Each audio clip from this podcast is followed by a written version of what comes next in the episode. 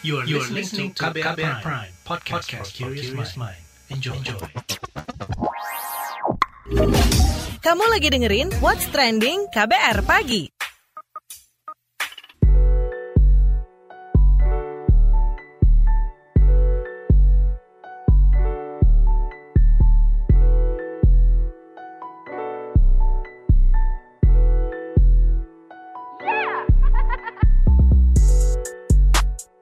KBR Pagi, siaran pagi radio paling update. Selamat pagi, apa kabar Anda hari ini di hari Selasa 13 April 2021? Jadi pemerintah menetapkan 13 April 2021 sebagai awal Ramadan 1442 Hijriah. Saya Don Brady mewakili tim KBR Pagi mengucapkan selamat berpuasa bagi yang menjalankannya. Nah sementara itu pemerintah juga telah memutuskan aturan terkait pembayaran tunjangan hari raya atau THR keagamaan bagi pekerja atau buruh pada tahun ini. Menteri Ketenagakerjaan Ida Fauzia mengingatkan pemberian THR keagamaan merupakan kewajiban yang harus dilaksanakan oleh pengusaha kepada pekerja atau buruh untuk memenuhi kebutuhan mereka dan keluarganya dalam merayakan Idul Fitri. Nah, lantas bagaimana dengan perusahaan yang benar-benar kesulitan ekonomi akibat terdampak pandemi COVID-19? Sebelum kita bahas lebih lanjut soal THR 2021 dan ketentuan pembayarannya, kita simak dulu opini warganet plus 62 berikut ini.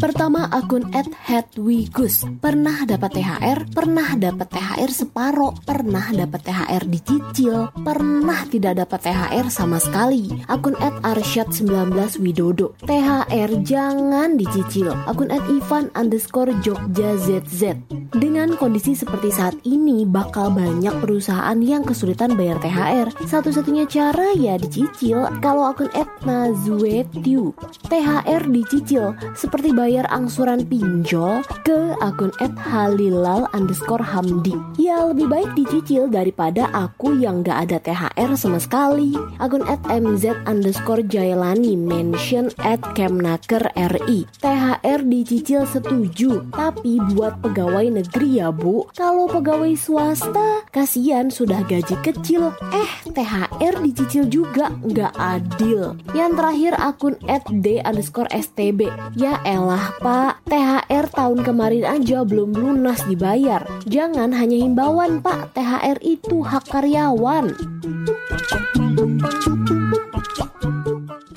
What's Trending KBR Pagi Balik lagi di What's Trending KBR Pagi bersama saya Don Brady. Kita lanjutkan ngobrolin soal THR 2021 dan ketentuan pembayarannya. Jadi seperti apa jelasnya aturan pembayaran THR tahun 2021 ini? Berikut pemaparan Menteri Ketenagakerjaan Ida Fauzia dalam konferensi pers daring kemarin di tanggal 12 April 2021 berikut ini. THR keagamaan adalah merupakan pendapatan non-upah yang wajib dibayarkan oleh pengusaha kepada pekerja atau buruh paling lama tujuh hari sebelum hari raya keagamaan itu tersebut tiba. Kami mohon kerjasama kepada para kepala daerah untuk memastikan perusahaan membayar THR keagamaan kepada pekerja atau buruh sesuai ketentuan peraturan perundang-undangan dan mewajibkan bagi pengusaha yang tidak mampu membayar THR agar melakukan dialog dengan pekerja atau buruh untuk mencapai kesepakatan yang dilaksanakan secara kekeluargaan disertai iktikat baik. Kesepakatan dibuat secara tertulis mengenai waktu pembayaran THR keagamaan dengan syarat paling lambat dibayar sebelum hari raya keagamaan tahun 2021 pekerja atau buruh yang berdasarkan laporan keuangan internal perusahaan yang transparan. Kesepakatan ini tidak menghilangkan kewajiban pengusaha untuk membayar THR keagamaan tahun 2021 kepada pekerja atau buruh dengan besaran sesuai ketentuan peraturan perundang-undangan dan selanjutnya hasil dari kesepakatan dilaporkan kepada Dinas Ketenagakerjaan setempat. Yang selanjutnya dalam rangka memberikan kepastian hukum dan mengantisipasi timbulnya keluhan dan pelaksanaan koordinasi yang efektif, antara pemerintah pusat dan pemerintah daerah, maka diminta kepada, kepada kepala daerah untuk menegakkan hukum sesuai kewenangannya terhadap pelanggaran pemberian THR keagamaan tahun 2021 dengan memperhatikan rekomendasi hasil pemeriksaan pengawas ketenaga kerjaan dan melaporkan kepada Kementerian Ketenagakerjaan. Nah, soal ketentuan pembayaran THR bagi perusahaan yang benar-benar kesulitan ekonomi akibat terdampak pandemi COVID-19, kembali kita simak keterangan dari Menteri Tenaga Kerja Ida Fauzia berikut ini. Saat ini Kementerian telah membentuk Satuan Tugas Pelayanan Konsultasi dan Penegakan Hukum Pelaksanaan Pembayaran THR tahun 2021 di pusat yang perlu diikuti daerah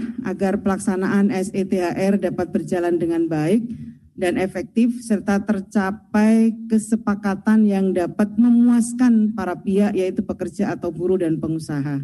Dan bagi perusahaan yang terdampak kondisi pandemi COVID-19 sehingga berakibat tidak mampu membayar THR keagamaan tahun 2021 sesuai ketentuan yang berlaku, maka perlu dilakukan dialog secara bipartit untuk menyepakati pembayaran kalau di sini memang agak ada jeda yang cukup panjang, tetapi setelah kami mempelajari berbagai masukan dari berbagai pihak, maka penundaan itu hanya diperbolehkan sampai sebelum pelaksanaan hari raya tiba. Memang kelonggarannya diberikan hanya sampai pada pelaksanaan atau tibanya hari raya tersebut. Oke, sekarang kita tanya kepada Ketua Umum Federasi Serikat Buruh Persatuan Indonesia atau FSBPI, ada Dian Septi. Badian, bagaimana reaksi buruh terkait dengan THR 2021 ini? Surat edaran yang dikeluarkan Kementerian Tenaga Kerja itu basa-basi saja gitu. Kenapa basa-basi? Karena ketika terkait dengan pandemi, untuk perusahaan yang terkena dampak itu disampaikan bahwa diserahkan kepada dipartit gitu atau perundingan di tingkat perusahaan. Nah, kita tahu bahwa buruh itu dalam posisi yang lemah di hadapan perusahaan, sehingga nggak mungkin ada perundingan yang setara gitu. Apalagi untuk teman-teman buruh yang belum berserikat dan mayoritas buruh di Indonesia itu belum berserikat. Seharusnya negara itu ikut campur gitu di situ untuk menjadi penengah gitu atau mediasi. Dan soal pembuktian itu mestinya lebih diperjelas, misalnya transparansi terkait keuangan perusahaan selama dua tahun terakhir.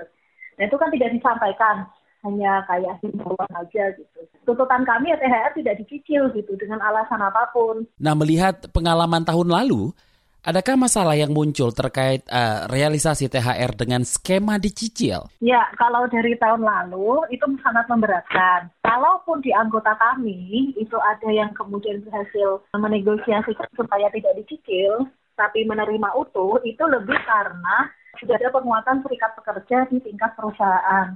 Jadi serikat pekerja sudah mempunyai posisi tawar di hadapan perusahaan, mempunyai perhatian untuk bernegosiasi mempunyai pengetahuan terkait hak-haknya.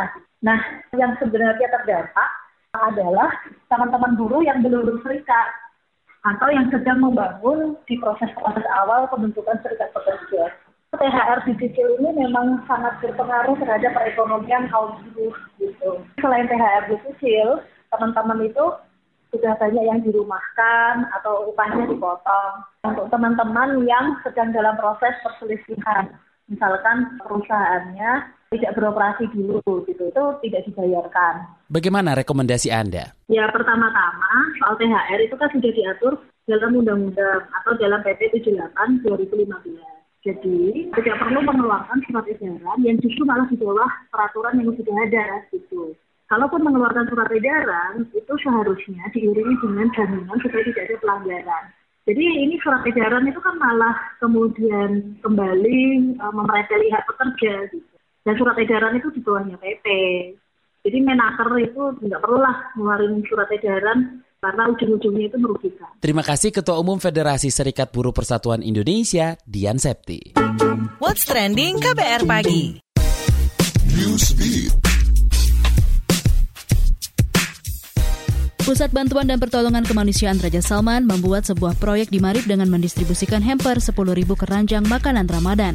Bantuan ini diharapkan dapat memberikan manfaat bagi ribuan keluarga yang membutuhkan dan terlantar di enam provinsi Yaman. Direktur Unit Pelaksana Pengelolaan Kamp Pengungsian di Gubernur Marib, Saif Mutana, mengaku bersyukur atas bantuan dari Arab Saudi di bulan Ramadan ini. Bantuan ini juga telah didistribusikan bagi desa-desa di Chad. Tak hanya itu, mereka juga mengirimkan sekitar 50 ton kurma. Demi meningkatkan efikasi, pemerintah Tiongkok berencana mencampurkan penggunaan vaksin COVID-19. Vaksin yang digunakan dibuat dengan metode yang berbeda. Menurut Kepala Badan Pencegahan dan Pengendalian Penyakit Tiongkok, Gao mengatakan mereka telah meneliti sejumlah cara untuk meningkatkan presentasi inokulasi vaksin corona. Ini adalah pertama kalinya pemerintah Tiongkok membahas soal kecilnya tingkat efikasi dari vaksinnya. Gao menganggap perpaduan penggunaan vaksin yang dibuat dengan cara berbeda mampu meningkatkan efikasi. Pemerintah Thailand melarang penyelenggaraan perayaan Songkran di wilayahnya akibat lonjakan kasus COVID-19. Thailand mencatatkan sekitar 900 kasus harian baru menjelang perayaan libur nasional Songkran. Perayaan Songkran adalah festival air di jalan-jalan raya Thailand yang seharusnya dilakukan pada 13 sampai 15 April 2021. Otoritas terkait mengimbau orang-orang untuk menghindari mobilitas yang tak perlu dan mengurangi pertemuan. Pemerintah tengah mewaspadai adanya varian B117 yang sangat mudah menular dan mengakibatkan lonjakan kasus. Tempat hiburan seperti bar dan tempat karaoke pun akan ditutup hingga 23 April mendatang untuk mencegah penyebaran penyebaran COVID-19.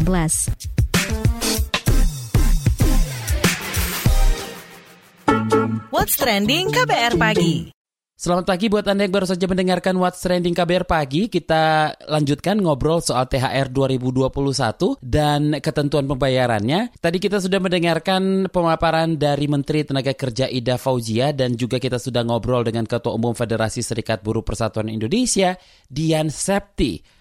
Lalu bagaimana Asosiasi Pengusaha Indonesia atau APindo merespons keputusan Menteri Ketenagakerjaan yang melarang pembayaran THR lebaran dengan dicicil? Berikut pernyataan Ketua Bidang Organisasi dan Pemberdayaan Daerah di Asosiasi Pengusaha Indonesia atau APindo, Adi Mahfud, kepada KBR. Kami sebagai pengusaha tentu kami sering menyampaikan itu memang ideal dan normatifnya memang seperti itu. Kami selalu menyampaikan bahwa buat teman-teman pengusaha yang mampu tanda kutip yang e, tidak terdampak dengan pandemi covid ini wabil khusus itu memang kita harapkan bayar penuh karena THR itu kan memang e, hak yang hak pekerja yang tidak boleh dikurangi gitu ya ataupun ditunda sebetulnya juga tidak boleh jika memang mampu, jika kondisinya sehat. Namun demikian, jika memang seperti kayak orang yang sedang kena COVID ya mohon maaf, kondisi sakit kan juga tidak bisa dipaksain untuk sehat gitu ya. Juga kami perusahaan, pengusaha yang sedang terdampak COVID-19 ini, itu juga nggak bisa dipaksakan. Tentu di sana seharusnya tetap harus ada fleksibilitas. Tapi fleksibelnya tentu itu juga kita kedepankan sosial dialog tanda kutip, kita eh, hubungan bipartit antara pengusaha dengan pekerja. Dan bagaimana THR sesungguhnya berpengaruh terhadap sektor perekonomian? Kita obrolkan bareng Ekonom Institute for Development of Economics and Finance atau INDEF Bima Yudhistira. Mas Bima, Bagaimana nih momen Idul Fitri mempengaruhi sektor ekonomi? Ya, jadi momentum Idul Fitri itu ada banyak aktivitas ya yang berbeda dari bulan-bulan biasanya. Kita belanja lebih banyak ya, masyarakat juga menggunakan jasa transportasi misalnya untuk mudik lebaran. Kemudian ada aliran dana dari kota-kota besar itu selama momentum lebaran masuk ke daerah-daerah sampai ke pedesaan. Sehingga kalau di total ya lebih dari 200 triliun dana yang mengalir ke daerah-daerah karena momentum lebaran ya atau Idul Fitri itu. Nah, di satu sisi yang lain kita melihat juga dampak dari adanya momentum Idul Fitri sektor-sektor yang terkait dengan pariwisata karena orang mungkin ke rumah saudaranya atau ke kampungnya satu dua hari tiga hari. Tapi setelah itu mereka akan jalan-jalan ke tempat wisata. Sehingga perhotelan akan ramai restoran-restoran souvenir toko oleh-oleh. Jadi memang dampaknya cukup besar. Dan biasanya pertumbuhan ekonomi pada momentum lebaran yang bertepatan dengan kuartal saat lebaran itu lebih tinggi bahkan sepanjang tahun ya. Nah, jadi kalau Indonesia itu berharapnya memang di momentum Idul Fitri kemudian Natal tahun baru dua momentum itu yang bisa memacu konsumsi rumah tangga lebih tinggi. Oke, ada konsekuensi dari pembayaran THR jika dicicil? Ya, tentunya memang di satu sisi ya kita melihat ya banyak pelaku usaha yang mengalami kerugian juga bahkan tutup temporer maupun permanen selama pandemi. Tapi di sisi yang lain pengusaha khususnya korporasi yang besar sudah banyak mendapatkan insentif. Salah satunya insentif perpajakan misalnya, penurunan tarif PPh badan itu sangat dirasakan. Sehingga kalau tahun ini kembali kemudian dicicil, ya pasti dampaknya akan uh, konsumsi rumah tangga itu daya beli masyarakat juga akan rendah. Tapi kalau sebaliknya tahun 2021 berbeda dengan 2020, di mana 2021 ada harapan bisa dibayar full THR-nya, maka ini akan langsung meningkatkan konsumsi rumah tangga karena langsung dibelanjakan. Nah, ketika dibelanjakan itu ujungnya adalah permintaan di sektor-sektor dunia usaha khususnya yang pangsa pasarnya di dalam negeri juga ikut menikmati juga. Sebenarnya balik lagi THR bukan hanya untuk pekerjanya, tapi juga bermanfaat bagi dunia usaha itu sendiri. Karena banyak yang belanja, otomatis omsetnya juga naik. Baik, terima kasih Ekonom Institute for Development of Economics and Finance atau INDEF Bima Yudhistira. What's trending KBR pagi? Commercial break. Commercial break. Setiap hari harus nemenin anak ngerjain tugas sekolah Sampai nangis minta balik ke sekolah karena kangen. Aduh, nasib jadi freelancer. Udah dua bulan gak ada job. Mana duit tabungan udah kepake lagi. Podcast live in the time of Corona membantu kita menavigasi hidup dengan kehadiran COVID-19. Dengarkan di kbrprime.id, Spotify, Google Podcast, dan platform mendengarkan podcast lainnya. KBR Prime, podcast for curious mind. What's trending KBR pagi?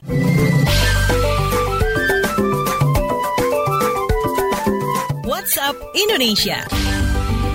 WhatsApp Indonesia dimulai dari Bangka Belitung. Pemerintah Provinsi Kepulauan Bangka Belitung meluncurkan aplikasi Warung Pangan untuk memperkuat ketahanan pangan di wilayahnya. Selain sembako, aplikasi ini juga menjual produk UMKM. Melansir Antara News, Kementerian Kooperasi dan UMKM dan Kementerian BUMN telah menginisiasi pembuatan aplikasi warung pangan ini untuk mendukung bisnis UMKM di tengah pandemi COVID-19. Hingga kini, fitur-fitur dari warung pangan terus dikembangkan.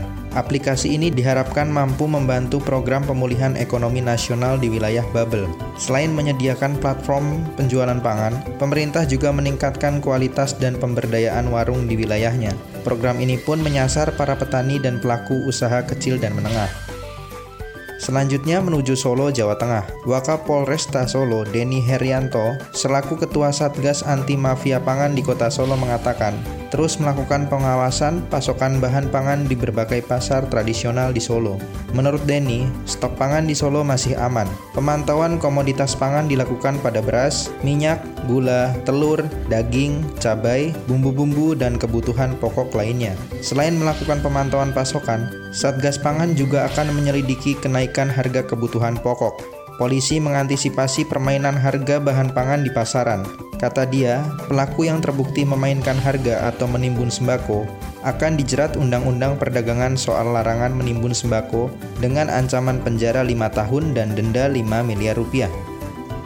Masih dari Jawa Tengah, kita mampir Banyumas. Penganut Islam Kejawen yang menggunakan kalender Alif Rebowage atau Aboge di Kabupaten Banyumas, Jawa Tengah mulai berpuasa pada Rabu esok. Juru bicara adat Banokeling Sumitro menjelaskan penanggalan aboge mengenal kalender Sewindu.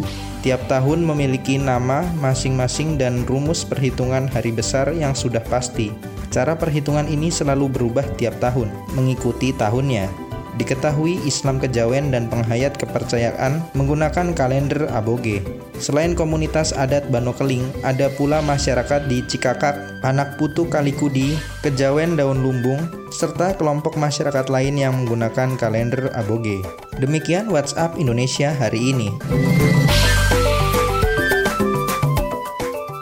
Demikian kabar pagi hari ini. Jika Anda tertinggal siaran ini, Anda kembali bisa menyimaknya di podcast What's Trending yang ada di kbrprime.id, di Spotify, dan di aplikasi mendengarkan podcast lainnya. Saya Don Brady undur diri, besok kita ketemu lagi. Stay safe, bye-bye. Terima kasih ya sudah dengerin What's Trending KBR Pagi. KBR Prime, cara asik mendengar berita. KBR Prime, podcast for curious mind.